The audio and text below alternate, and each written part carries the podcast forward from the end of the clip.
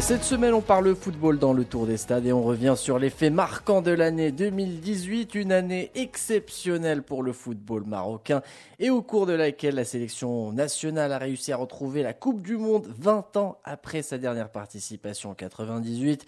Malgré une élimination dès le premier tour, les Lions de l'Atlas ont joué avec le cœur et ont pu compter sur le soutien inconditionnel des supporters.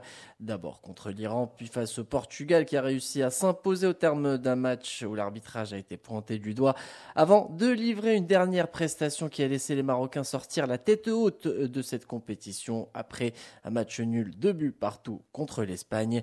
On écoute la réaction d'Hervé Renard au terme de la campagne russe du Maroc. Tout le peuple marocain est fier de son équipe et même très fier de son équipe. Il y a deux ans et demi, on a commencé une aventure ensemble. On était 81e mondial. Aujourd'hui, je crois qu'on est 41e. On a réussi à se qualifier pour une Coupe du Monde après 20 ans d'abstinence pour le Maroc. Et les deux matchs qu'on a fait, on a montré qu'on était une équipe qui jouait au football. Une chose est sûre, la Coupe du Monde a également permis aux supporters de se réconcilier avec une équipe qui est passée par une longue traversée du désert avant de retrouver les meilleurs du football mondial. Les joueurs en sont fiers, y compris Khalid Boutaïb, l'attaquant des Lions de l'Atlas. On remercie tous les supporters marocains dans le stade et en dehors, en ville, qui n'ont pas pu assister au match. Voilà, on est content malgré qu'on soit éliminé, on a réussi à retrouver une osmose entre euh, l'équipe nationale et les supporters. Et voilà, c'est ça le plus important.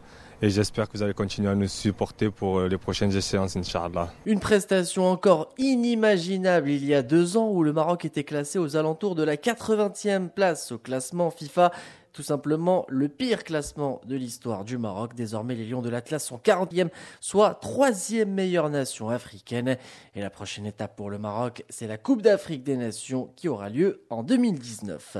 Le Maroc a également fêté un sacre en début d'année. Il s'agit du championnat d'Afrique des Nations pour les joueurs locaux, organisé pour la première fois au pays des Lions de l'Atlas. Les hommes de Jamel Slami ont marché sur la compétition pour s'offrir le titre avec au passage une large victoire 4 à 0 face au Nigeria. Jamal Slami, entraîneur des locaux, revient sur ce sacre et cette finale historique à Casablanca. On a abordé ce match euh, avec confiance. On a essayé durant toute cette euh, compétition d'améliorer le jeu de l'équipe nationale parce que vous, savez bien que avant le début de la compétition, on avait beaucoup de problèmes.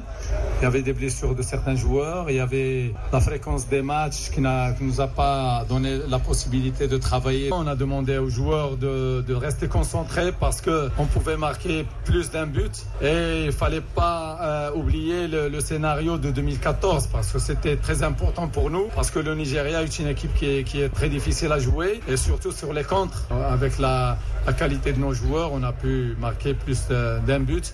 C'était très important pour nous pour euh, montrer notre euh, force et le mérite euh, de gagner ce titre. Une consécration qui a donné plus de relief au football marocain. La sélection à prime a d'ailleurs battu plusieurs records durant ce chat, notamment celui du meilleur buteur de la compétition avec Ayoub El Kabi.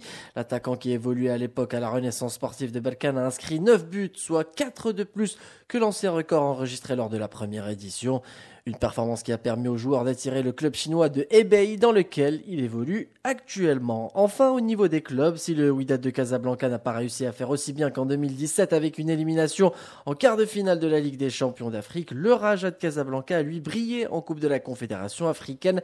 Les Verts ont remporté la C3 à l'issue d'une double confrontation compliquée face aux Congolais de Vita Club.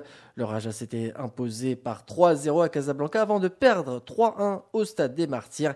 Mais au final, c'est bien Badr Banoun qui a brandi la Coupe de la CAF pour la deuxième fois de l'histoire du club.